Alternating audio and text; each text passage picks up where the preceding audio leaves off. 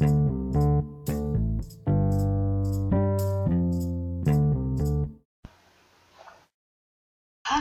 selamat datang di podcast Bilangan Makna, tempat di mana kamu bisa mendengarkan diskusi tipis-tipis sambil nyeruput kopi.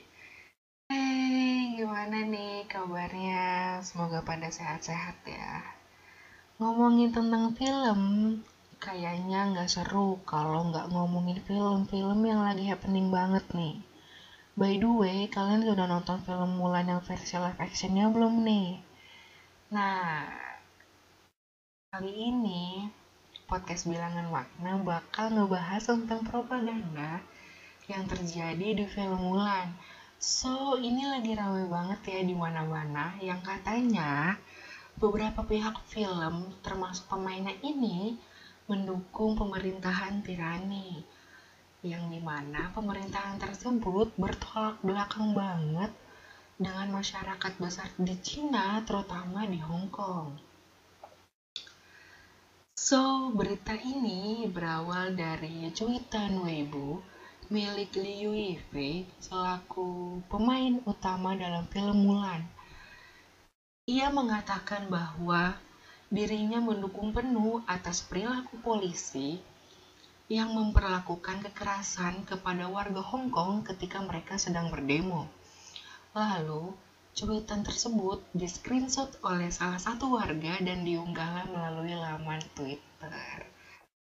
Tentu saja semenjak cuitan tersebut ramai dan menjadi perbincangan orang di mana-mana, penyuruhan pemboikotan film Mulan pun terjadi waktu itu gue sempat ngebaca salah satu artikel online yang mengatakan bahwa dukungan brutalitas terhadap polisi Hong Kong ini tidak hanya disuruhkan oleh Liu Yifei, tapi pemain film Donnie Yen juga sempat terlibat nih teman-teman.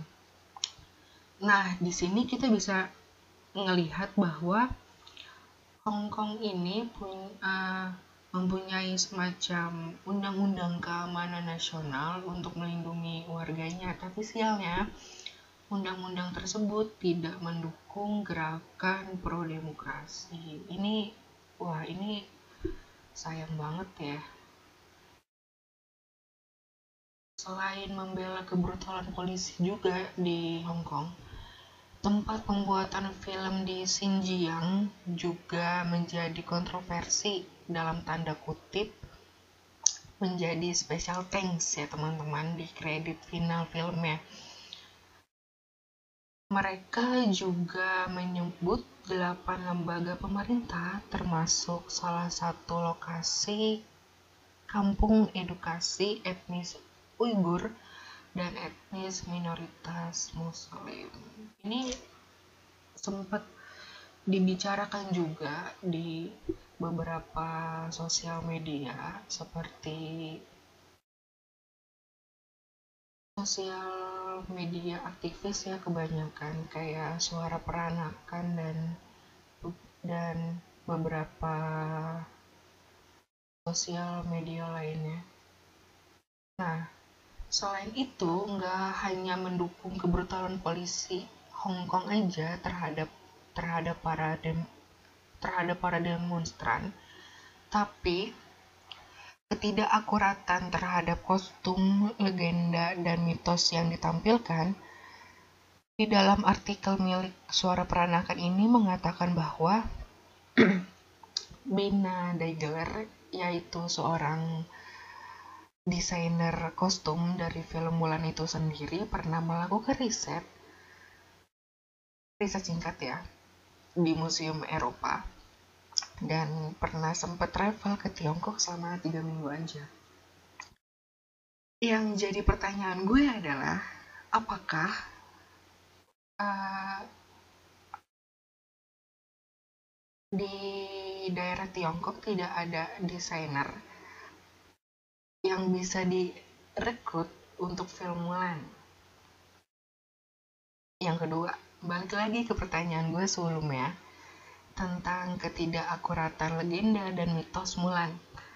Beberapa hari lalu, sebelum saya memutuskan untuk menonton film Mulan, saya sempat membaca membaca terlebih dahulu sebuah artikel online sih tentang kisah sorry tentang kisah asli Mulan di artikel tersebut mengatakan bahwa versi sejarah Tiongkok adalah legenda perempuan yang pertama kali ikut berperang selama periode dinasti utara dan selatan antara 420 dan 589 Masehi. Mungkin di dalam versi animasinya Mulan selalu dikaitkan dengan sahabat karibnya, yakni musuh dan kisah cintanya dengan Lisang. Namun, yang yang menghasilkan film yang lebih akurat dan historis ini, unsur-unsur tersebut akhirnya dihilangkan. Bagi saya, ada perbedaan yang cukup besar antara film Mulan 2020 dengan teks aslinya dalam urutan waktu.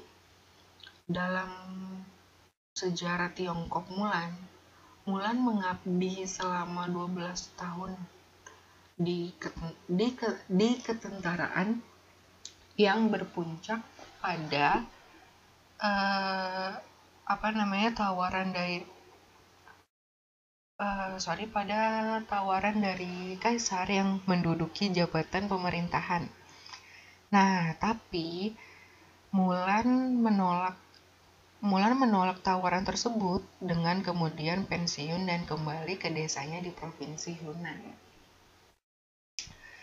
Nah, tentu saja ini menjadi uh, apa ya? serangkaian apa namanya perbedaan film Mulan 2020 yang saat itu juga melakukan pengakuan dirinya adalah seorang adalah seorang perempuan ketika berperang kepada komandan perang.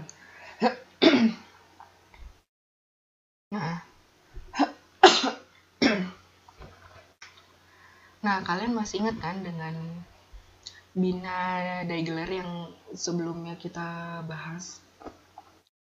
Ia adalah seorang desainer kostum di film Mulan yang melakukan riset singkat ke Tiongkok Nah, di sini gue, nah di sini saya mau ngebahas sedikit mengapa kru film Mulan tidak melibatkan kru Tiongkok untuk pembuatan film Mulan itu sendiri.